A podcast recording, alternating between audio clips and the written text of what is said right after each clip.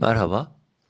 BIST 100 dün açılış sonrası test ettiği 2200 seviyesinden geri çekilme yaşadı. Kapanış 2176 seviyesinde gerçekleşti.